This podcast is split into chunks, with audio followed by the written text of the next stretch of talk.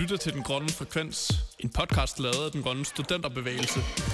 Vi er et landsdækkende fællesskab for unge, der kæmper for et grønt og retfærdigt samfund. Og vi kræver klimahandling nu. Hej, mit navn er Bjørk, og jeg vil introducere denne specialudgave af Den Grønne Frekvens. Dette afsnit sætter skarpt på, hvordan klimakrisen, kapitalisme og kolonialisme er uløseligt forbundet. Podcasten er en optagelse af en samtale mellem Emma Holten, som er feministisk aktivist og oplægsholder, og Aga Hansen, som er Inuk-aktivist og kæmper for afkolonisering af Grønland. Samtalen var en, som vi i den grønne ungdomsbevægelse arrangerede på scenen Flokker på Roskilde Festival her i 2022.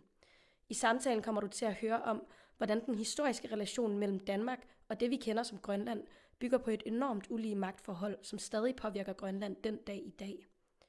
Alt for tit glemmer vi Danmarks rolle som imperialistisk nation, og derfor mener vi i DGUB, at det er ekstremt vigtigt, at vi sætter fokus på netop dette, da vi gennem koloniseringen har sat en afstand mellem os selv og naturen. Akka punkterer myten om, at Grønland ikke er i stand til at fungere under de kapitalistiske værdier, som dominerer i dag. Den myte bygger på en idé, der hylder individualisme og egoisme og får fællesskabsorienteret samfund, som for eksempel Inuit, til at fremstå som tilbagestående, fordi de ikke ser profit som det mest værdifulde, vi kan skabe her i livet. Lyt med og find ud af, hvad vi kan lære af oprindelige folk som Inuit, og hvordan vi kan støtte kampen om afkolonisering og klimaretfærdighed. Hej alle sammen. Jeg håber, I har en skøn festival. Mit navn er Emma Holten. Og i dag skal vi snakke om kolonialisme og klimakrise med, synes jeg, en af de vigtigste aktivister, vi har i det danske rigsfællesskab, Aga Hansen. Og Agat, du tilhører den oprindelige befolkning på Grønland, som kaldes Inuit. Inuit findes også i Kanada, i Nordamerika. Det er ligesom sådan hele omkring den nordlige halvkugle. Den sådan gruppebetegnelse, man har for de oprindelige befolkninger i de områder. Og Danmark har jo en super lang og voldelig kolonihistorie. Men det er ikke noget, som man særligt tit øh, lærer noget om. Det er ikke noget, som man særligt tit hører om. Det er i hvert fald ikke noget, som jeg oplever, der har været en stor anerkendelse af i min skoletid, for eksempel.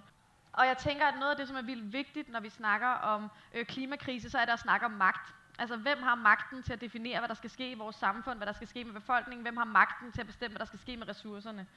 Og man kan jo sige meget om kolonialisme, men det handler ekstremt meget om magt. Og jeg vil godt sådan starte med at, at spørge dig om, hvis vi starter sådan fra bunden, hvordan ser du den historiske relation mellem Danmark og det, som vi så nu kender som Grønland? Åh, oh, det er godt nok et stort spørgsmål. Men ja, hvor, hvordan ser jeg det? Jamen altså, det er jo et, et det er jo en ulig, hvad skal man sige, magtforhold Grønland og Danmark imellem, som startede for 300 år siden. Det er lige blevet markeret sidste år, og det har ligesom været en udnyttelse af de ressourcer, som er i det, vi kender som Grønland. Og hvilken form har det taget? Jeg ved, der sådan er en lang historie også om sådan den, altså, hvilken religion der skulle være på Grønland. At noget af det handlede meget om at gøre Grønland til et kristent land. Jo, lige præcis. Nå, altså, hvad skal man sige? Vi har jo handlet med euro- europæere i mange år i Grønland, hvor at man i starten solgte spæk, som man brugte til lamper i Europa.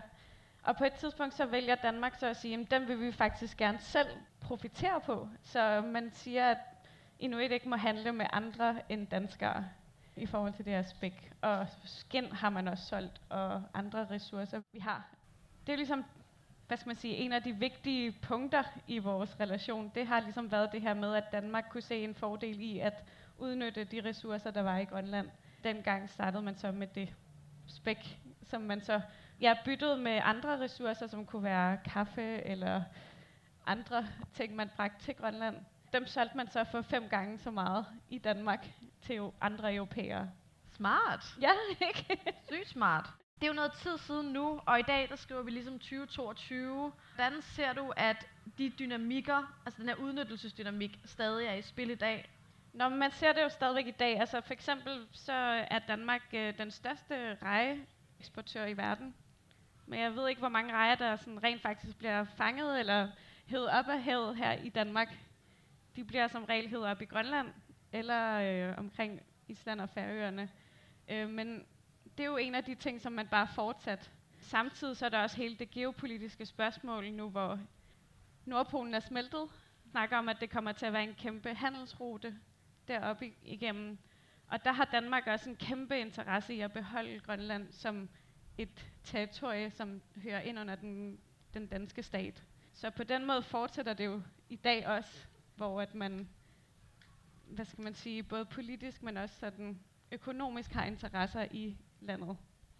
Ja, jeg arbejder med feministisk økonomi nu og holder foredrag om det, og noget af det, som sådan, vi beskæftiger os meget med, det er at prøve at forstå, sådan, hvordan værdi traditionelt blevet skabt. Og ofte så skaber man jo værdi ved at kunstigt devaluere nogle ting eller nogle mennesker, og så øh, opvaluere dem andre steder. Altså man gjorde med spæk, men det kan man jo også gøre med arbejdskraft for eksempel. Men noget af det, som, som jeg fandt ud af i min research til meget af mit arbejde, det var, at hvis man går tilbage til kapitalismens opstart, så er kapitalismens opstart jo enormt relateret til kolonialismen.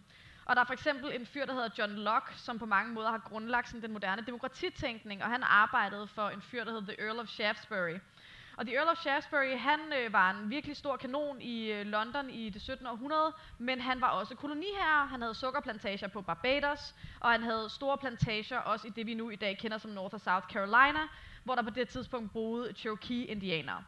Og det, som, øh, som John Locke han ligesom opfandt, sådan et koncept, som, eller en ideologisk, filosofisk måde at begrunde og sådan få det til at være okay at lave kolonialisme. Og det han sagde, det var, jamen, dem, som allerede bor her, altså dem, som de oprindelige befolkninger, de spilder ressourcerne. Fordi hvis man ikke bruger ressourcer til at lave profit og overskud, så bruger man ikke ressourcerne ordentligt. Og vi skal faktisk hjælpe jer. Og jeg tænker, at sådan den her idé om, at koloniherren hjælper den undertrykte, virker også til at være noget, som er ret fremherskende også i Danmark i dag, ikke? Jo, fuldstændig. Altså, det er jo præcis, det er så genkendeligt at, at høre. Altså, man hører nogle af de stigma, der blandt andet er omkring Inuit i Grønland, det er jo, at de er dogne, eller, eller ikke rigtig har, ser tid på den samme måde, som man ser den på i Vesten. Arbejde, arbejde, arbejde, eller at, at, det, er en, at det er en værdi i sig selv, eller at vi har bare forskellige værdier. blandt andet omkring tid, og om, om det her med at producere og arbejde. Det genkender jeg virkelig godt. Kan du fortælle lidt om, hvordan Hvordan ser du sådan de vestlige værdier kontra de værdier, som man har i Inuit? Nå, men det, som er den største forskel, synes jeg, det er det her med, at, vi, at det vestlige samfund er så individualistisk, at, at man klarer sig selv, det er hver mand for sig, og jo højere jeg vil kunne komme, jo bedre er det for mig selv, og så kan jeg give det afkast videre til min familie hvis jeg, hvis jeg, hvis jeg vælger at få en familie, altså børn og så videre. Ikke? Hvor at det, som jeg ser, som er en af de styrker, vi har i Grønland, det er, at vi prioriterer fællesskab, altså community. Altså det her med, at man, hvis jeg klarer mig godt, så klarer de andre sig godt. Hvis, hvis en fanger mange fisk eller sæler, så er der mad til hele bopladsen, eller hele byen, eller hele ens familie, er det så mere i dag, men før i tiden har det været ligesom, at man delte ressourcerne i mad, for eksempel. Det synes jeg er en af de største forskelle, der er i den vestlige kultur, altså i den oprindelige kultur, som vi har i Grønland det er noget, der er virkelig spændende, som også er meget gennemgået i den økonomiske historie, det er den her, at man holder på det her med, at mennesket er individualistisk. Altså man siger ligesom, jamen, prøv, hvis du overlader mennesker til sig selv, så kommer de ikke til at bruge tid på at passe på hinanden, de kommer ikke til at bruge tid på at hjælpe hinanden, de kommer til at kun fokusere på sig selv. Og på den måde, så synes jeg sådan lidt, at vi i Vesten også har skabt en kultur, hvor at det er normalt at være egoistisk og individualistisk, og dem, der er fællesskabsorienterede, de bliver anset for at være sådan de underlige, ikke? Altså, og jeg tror også, at sådan, det mærker jeg også meget, der er i den danske holdning til, ja, som du også siger, til, til øhm, befolkningen i Grønland, at det er bare sådan lidt, jamen I kan ikke få selvstændighed, fordi I kan ikke overleve på de præmisser, der sådan dominerer vores verden. Ja, og så det, underforstået den værdi, det er, at man har en høj økonomi, og man har velfærd, og man har, du ved, hvis man har penge, så har man adgang. Det er det, der er underforstået det. Og det, det er jeg fuldstændig uenig i. Altså, vi kan sagtens blive selvstændige. Det handler bare om, hvordan vil vi være selvstændige. Vi vil gerne fortsætte med at have den... At vi har jo importeret det danske skolesystem. Vi vil gerne have lige så mange bøger, lige så meget, at alle skal have en iPad osv. osv. Er det det, vi gerne vil prioritere? Er det den værdi, vi lægger vægt på, eller er der nogle andre værdier, vi har? Og det, det tror jeg bare er ret vigtigt at huske i den, hele den debat, der er omkring selvstændighed i Grønland.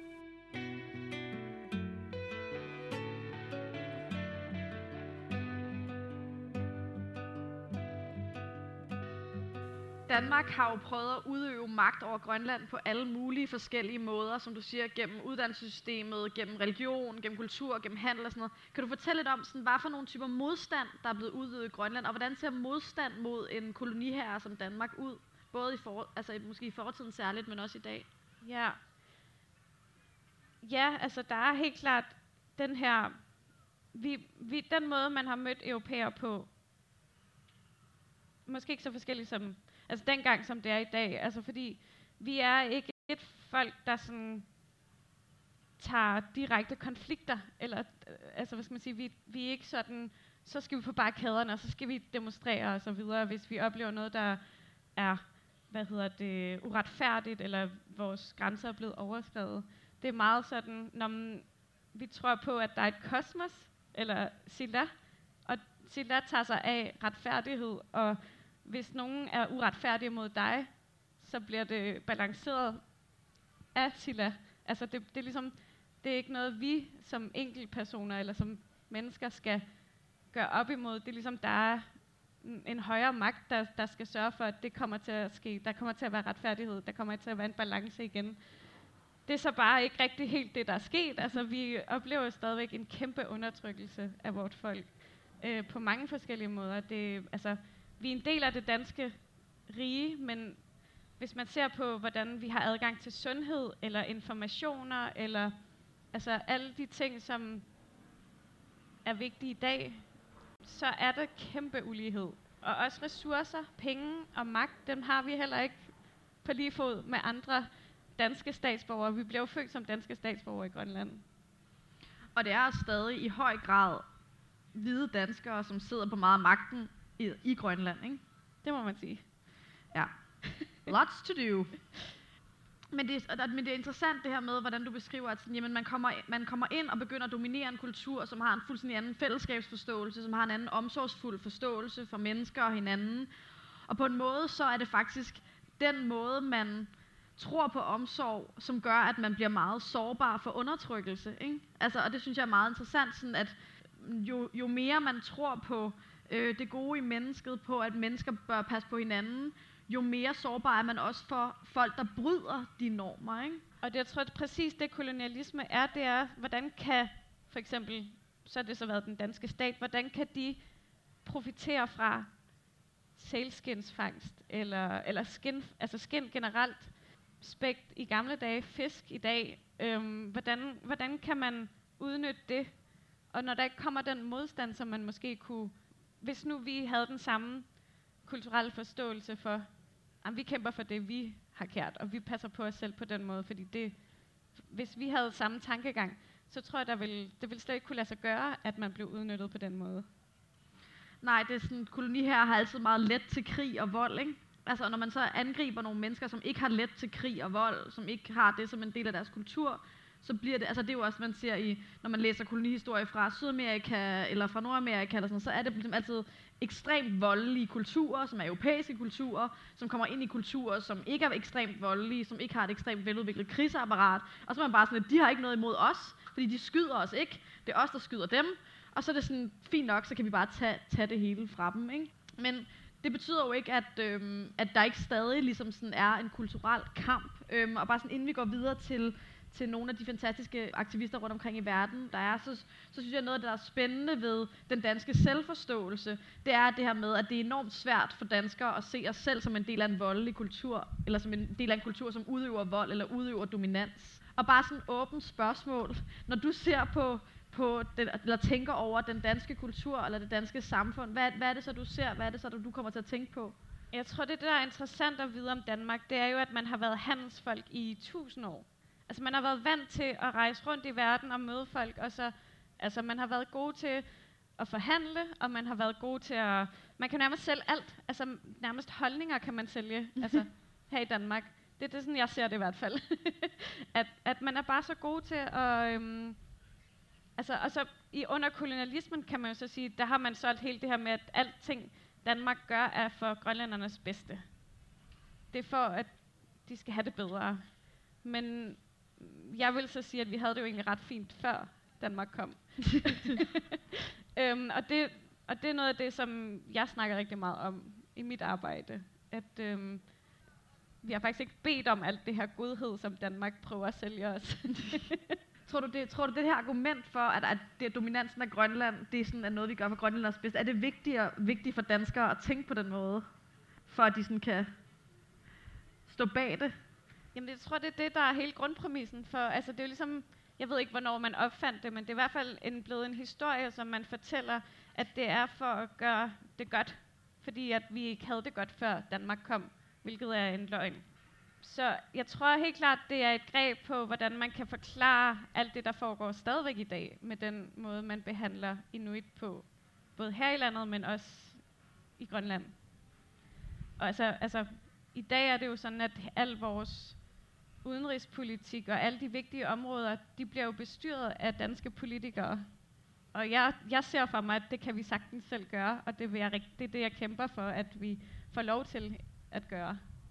Kan du fortælle lidt mere om, hvad for nogle konsekvenser det har haft? Altså, sådan, hvordan ser det ud for inuit i Grønland i dag? Altså, hvordan, er, hvordan ser det ud med sproget, uddannelsen? Altså, hvad er der sket med den kultur, som du beskriver, og det verdenssyn, som du beskriver? Det interessante er, at Danmark i de første 250 år af kolonitiden har været skånsomme over for at bevare vores kultur på mange punkter. Fangerkulturen og andre altså levevis, den, man blandede sig ikke så meget. Der var faktisk også lovgivning omkring, hvis man giftede sig, eller øh, fik børn med Inuit, så skulle man blive der, og så videre, og så videre. Så der har været nogle, hvad skal man sige, skånsomme metoder. Men det man også kan se, det er der, hvor det så begynder at gå galt, det er efter, at vi bliver et, et amt. Øh, altså ligesom det, efter 53 må man ikke have kolonier længere, og Danmark gør så det, at i stedet for at give os selvstyre, de så indlemmer landet og, og, og kalder det et amt, en del af Danmark, det danske rige. Og der, der begynder det så at gå helt galt, fordi der, skal man så, der begynder man på at danificere, altså gøre grønlænder inuit til danskere. Og det har så kæmpe konsekvenser i dag, fordi at nogen, altså mange i min generation, ikke rigtig taler grønlandsk længere. De har dansk som deres primære sprog. Øh, vi har fået at vide i folkeskolen, at vi, jo mere danske vi kan være, både udseendemæssigt, men også alt det psykologiske, alt det indeni, jo bedre mennesker er vi. Så det har kæmpe konsekvenser i dag, den måde, man har behandlet inuit på. Ja, der er også, altså der er jo ligesom, der er jo helt konkret sket, sådan, det ved jeg ikke, om folk kender de her historier, men altså tvangsfjernelser øh, af børn fra Grønland til Danmark, for at de ligesom skulle, sådan, der er sådan, det, det er et forsøg næsten på at genopdrage sådan en hel kultur, ikke? Jo, altså det er ligesom at tage grønlænderen ud af, inuit-delen ud af grønlænderen og gøre dem danske. Og det, altså, der, er mange, der er mange greb, der er blevet indført der fra 50'erne.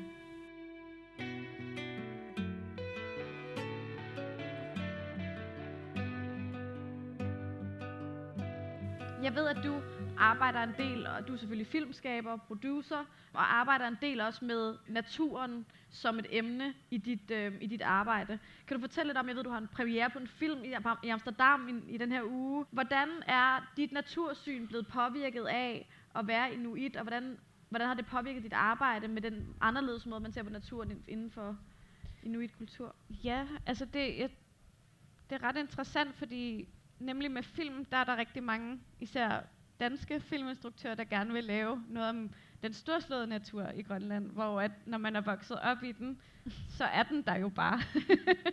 altså, det, jeg har aldrig sådan tænkt på det som en ekstraordinær øh, scenery. Altså, det har ikke været noget for mig sådan spektakulært. Det lyder måske lidt mærkeligt, men sådan, den, har jo bare, den var der jo bare. Der er mange danskere, der sådan elsker Grønland. sådan helt besatte af Grønland og går rundt i sådan Grønlands tøj og sådan noget. Jim Lyngvild, eller? Et skønt dansk forbillede.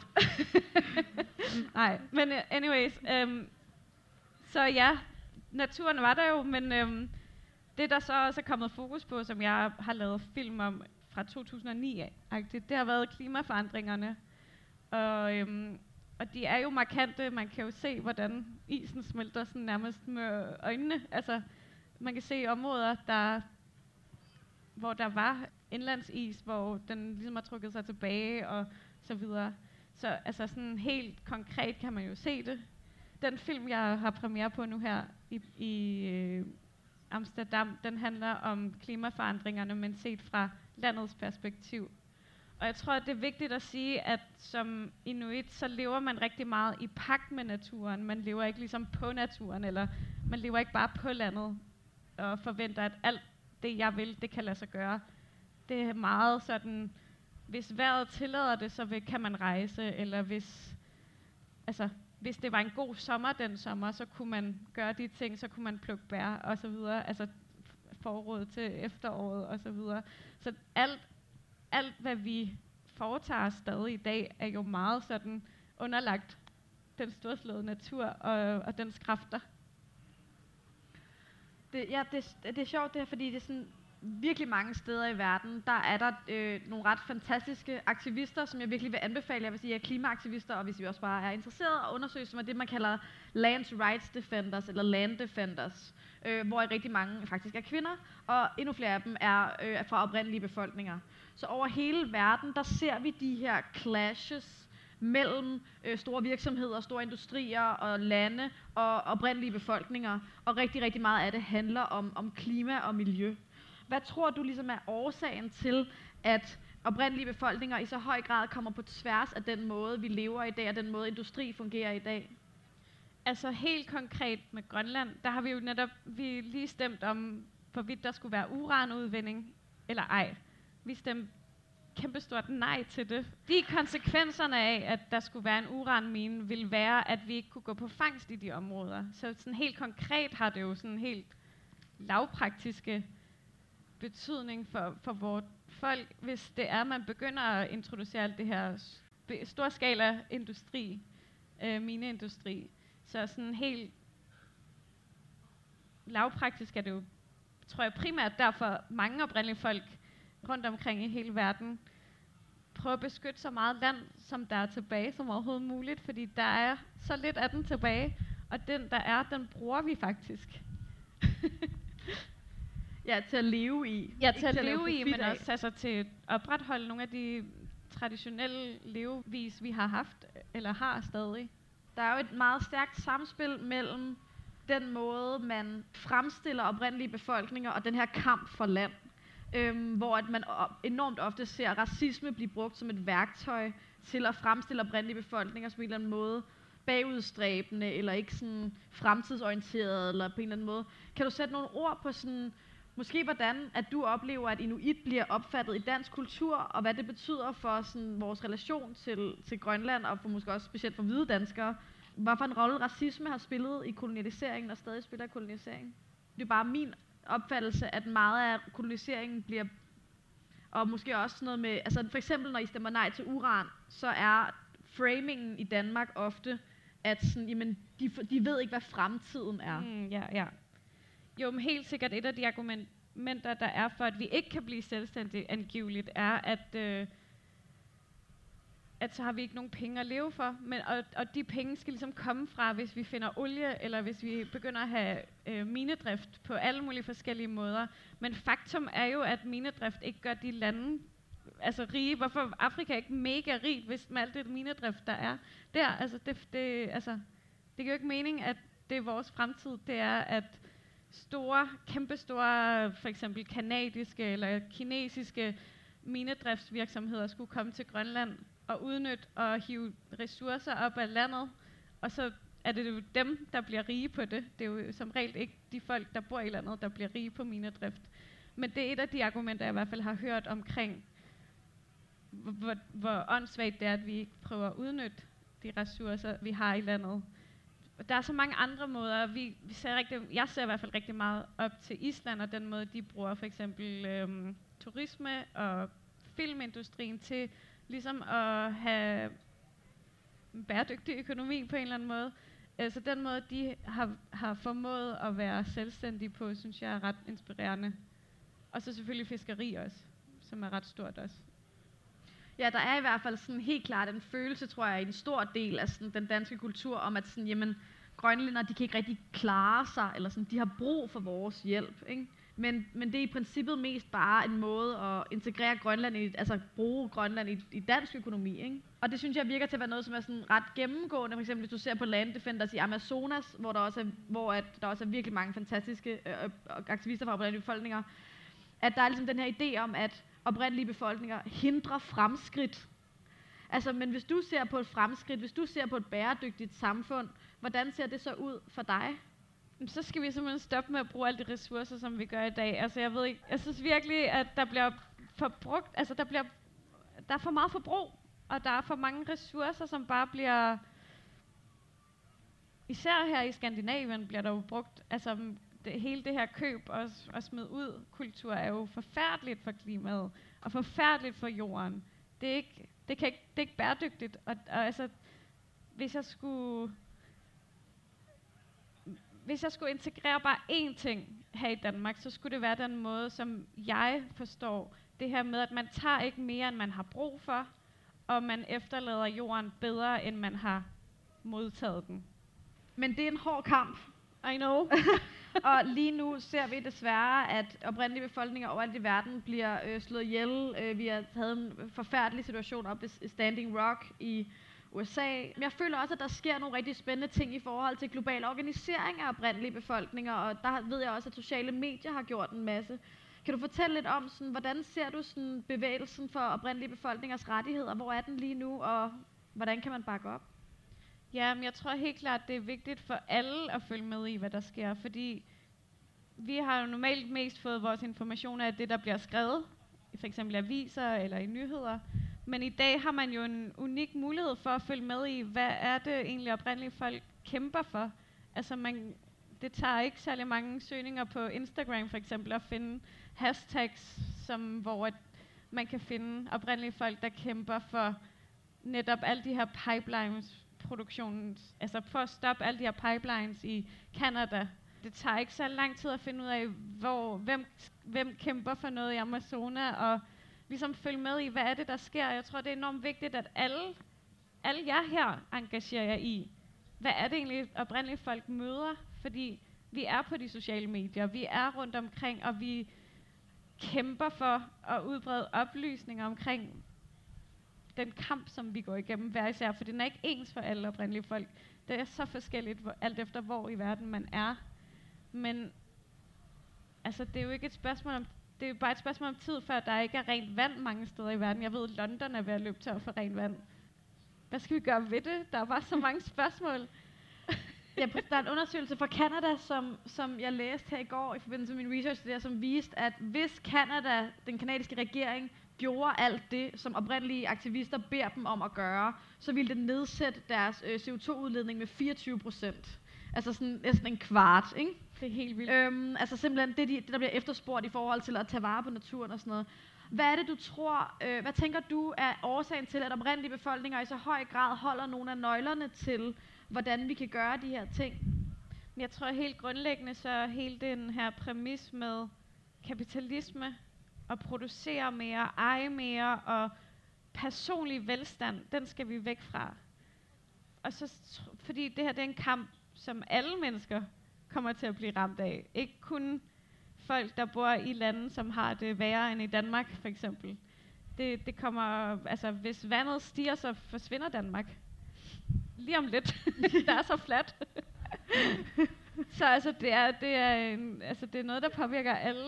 Nej, men altså, det er bare, fordi det er sådan, så mange steder, synes jeg, man oplever, at vi i klimabevægelsen, og, i, og måske i særdeleshed politikere, er bare sådan, at ah, men vi, klima, det er selvfølgelig noget værre svineri og sådan noget, men vi ved ikke, hvad vi skal gøre. Mm. Og der virker det bare til, at der, der kommer nogle ekstremt sådan, kreative, innovative løsninger fra aktivister, der har grund i oprindelige bevægelser. Ja.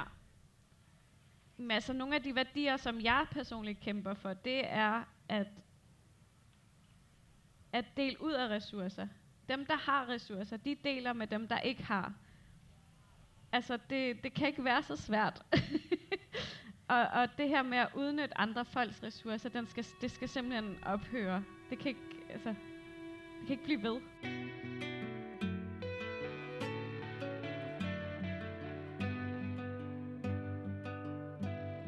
no, noget af det, som man arbejder meget med i feministisk økonomi, det er det her med, hvad vi sætter værdi på. Og i den moderne økonomi i et samfund som Danmark i dag, der sætter vi udelukkende værdi på ting, der bliver købt og solgt på et marked. Det vil sige, at både øh, at vi sidder her og snakker med jer, og I lytter til os, det, altså I betaler jo ikke også nogen løn, jeg får ikke nogen penge af jer. Ergo at det, den værdi, som øh, jeg og måske i særdeleshed ikke sidder og skaber for jer, den er helt usynlig i vores samfund. Det vil sige, vidensudveksling, øh, sociale omsorg, venskaber er fuldstændig værdiløst, fordi det ikke bliver udvekslet på et marked. Og det samme gør sig jo gældende for naturressourcer, altså de naturressourcer, som ikke bliver brugt. Når de bliver brugt, så bliver det ikke registreret noget sted, at, der, at vi har mistet noget. Det ser kun ud som, vi har vundet noget, fordi der er noget, der før var værdiløst, der nu har fået en pris.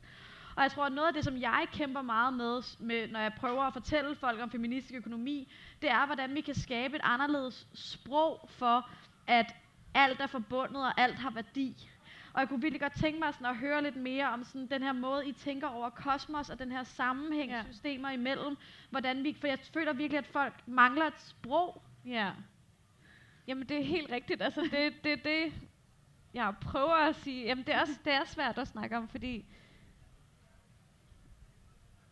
hvad skal man sige, det er ligesom gået tabt.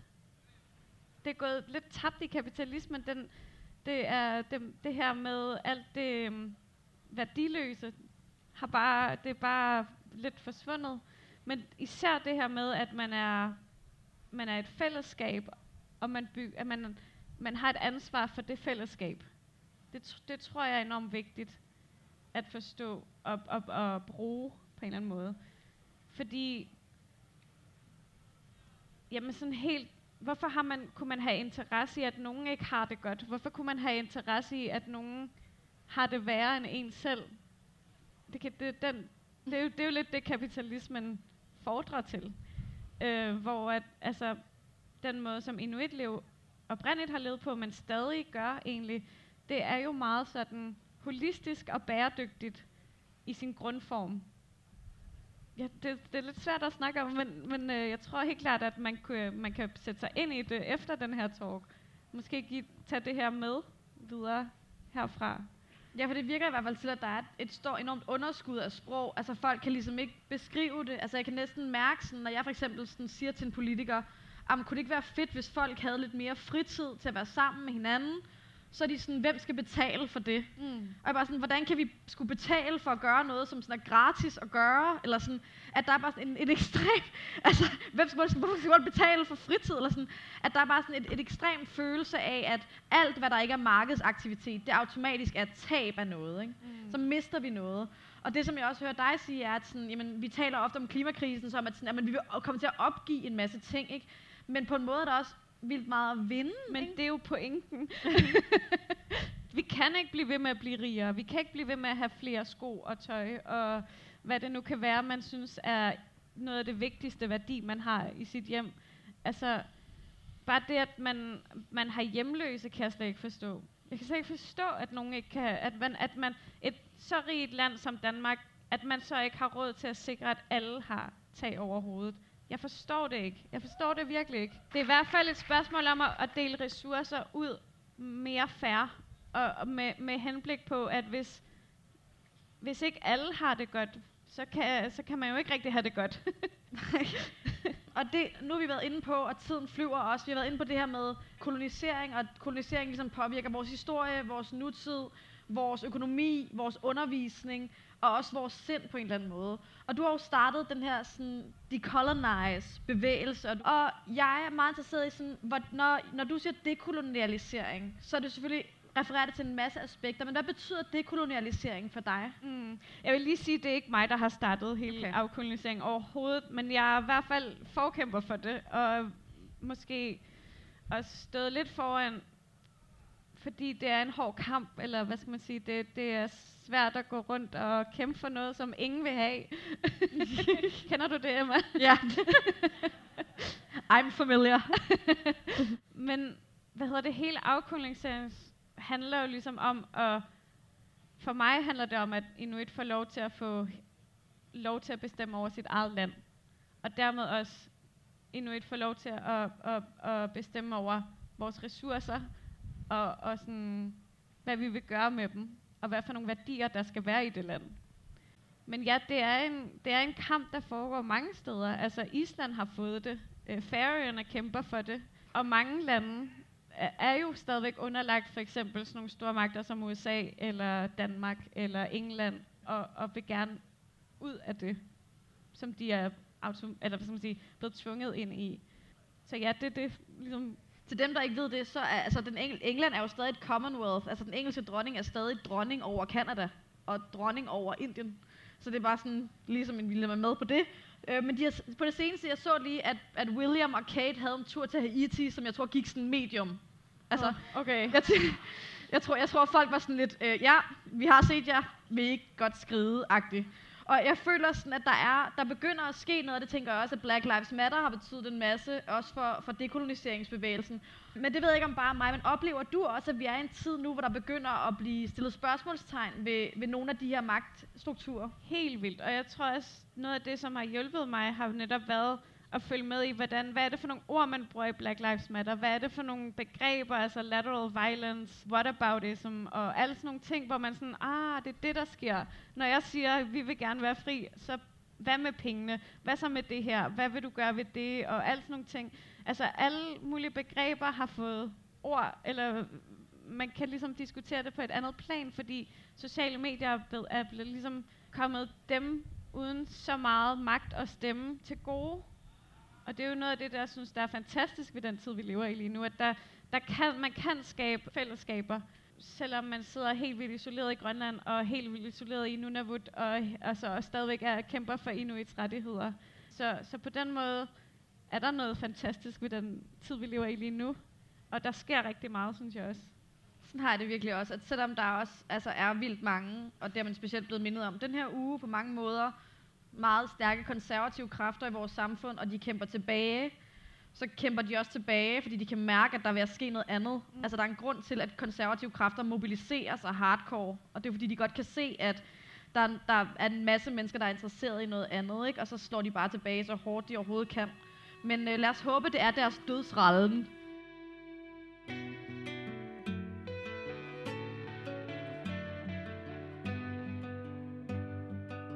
Tiden flyver, og jeg vil gerne spørge dig. Nu sidder jeg jo også her som hvid dansker, som indfødt i et imperialistisk samfund, som en del af det globale nord. Som, og der, det ved jeg, at der sikkert også er nogle andre, der identificerer som det, hvid imperialist. Men vi er også, tænker jeg, mange i det her telt. Vi er mange, der tænker over de her ting. Hvordan kan man i vores magtposition på en stærk og god måde vise solidaritet med den kamp?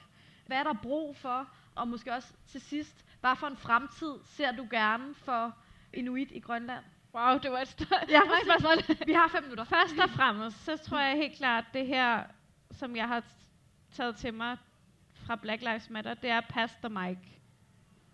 Vi har hørt jeres historie. Nu er det tid til, at vi også hører andre stemmer, tænker jeg. Og så tror jeg også bare, altså en analogi, jeg plejer at bruge, når jeg skal forklare den her frihedskamp, det er ligesom, hvor mange her har set Star Wars?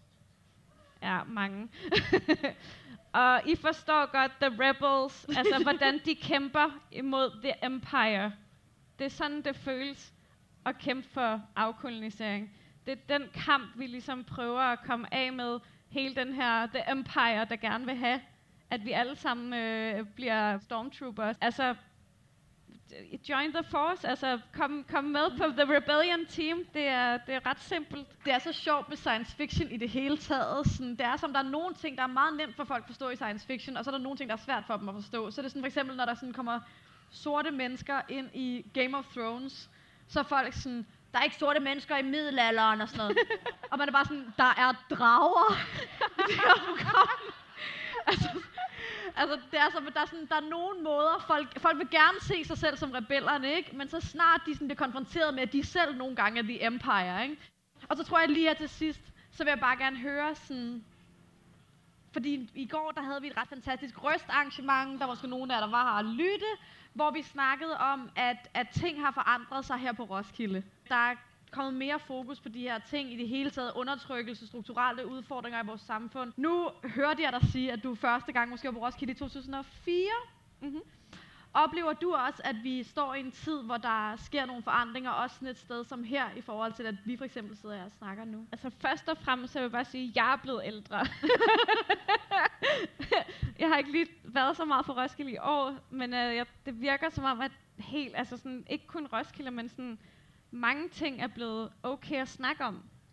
Og, og folk vil også gerne lytte til det, og det synes jeg bare er fantastisk. Altså bare det, at der er så mange mennesker her lige nu, det er bare, det giver mig så meget håb, og det, det gør mig enormt glad. Så jeg tror helt sikkert, at folk er måske mere klar til også at tage nogle af de her ting på sig, og være en del af den forandring, der, der vi har brug for. Aga Hansen, mine damer og herrer, alle derimellem. Her slutter samtalen mellem Emma og Aga. Jeg er glad for, at du lyttede med, for jeg synes, de er gode til at forklare, hvordan kolonialismen har spillet en central rolle i udbredelsen af kapitalistiske værdier. De samme værdier, som er roden til den klimakrise, vi står i i dag. Heldigvis gør oprindelige folk verden over modstand og viser os, at det er muligt at leve mere bæredygtige og omsorgsfulde liv. For klimakrisen behøver ikke at handle om at opgive en masse ting, hvis bare vi ændrer vores idé om, hvad der er værdifuldt. Derfor er det helt afgørende, at vi giver mikrofonen videre og lader den komme til ord, som står forrest i kampen mod klimaforandringerne. thank you